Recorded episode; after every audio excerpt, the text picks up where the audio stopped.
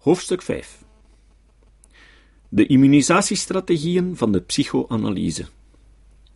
5.1 Immunisatie 1 De symptoomanalyse van de kritiek.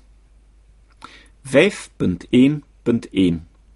Het argument van de weerstand in het vorige hoofdstuk zagen we dat de goed uitgeruste psychoanalyticus beschikt over een reeks theoretische jokerkaarten die hij bij gevaar van potentiële weerleggingen op tafel kan gooien.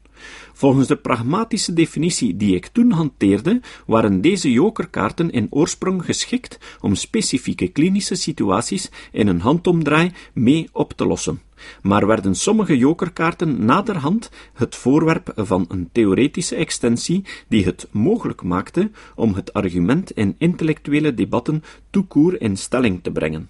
Zonder twijfel het meest beruchte voorbeeld van zo'n argument, dat oorspronkelijk als theoretische jokerkaart dienst deed, maar na verloop van tijd werd opgevijzeld tot een polyvalente immunisatiestrategie, is het argument van de weerstand. Aanvankelijk diende het argument bij Freud om de patiënt, ongeacht wat deze zei of naliet te zeggen, in het voorgeschreven theoretische kader te dwingen. Maar het duurde niet lang eer Freud er een methode in ontdekte om ook zijn critici monddood te maken.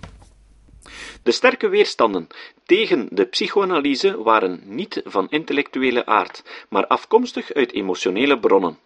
Alles gebeurde zoals het volgens de hypothesen van de psychoanalyse moest verlopen. Volgens de psychoanalytische hypothesen waarvan sprake, schuilt er in elk van ons een duister, onbewuste, vol perverse en agressieve verlangens die we omwille van hun ontoelaatbare en verstorende karakter uit onze bewuste wereld hebben verdrongen.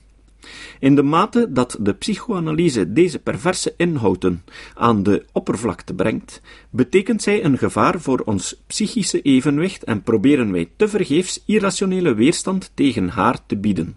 Wie de psychoanalyse dus bekritiseert, is zelf ten prooi gevallen aan de machtige invloed van zijn onbewuste en bevestigt dus de voorspellingen van de psychoanalyse.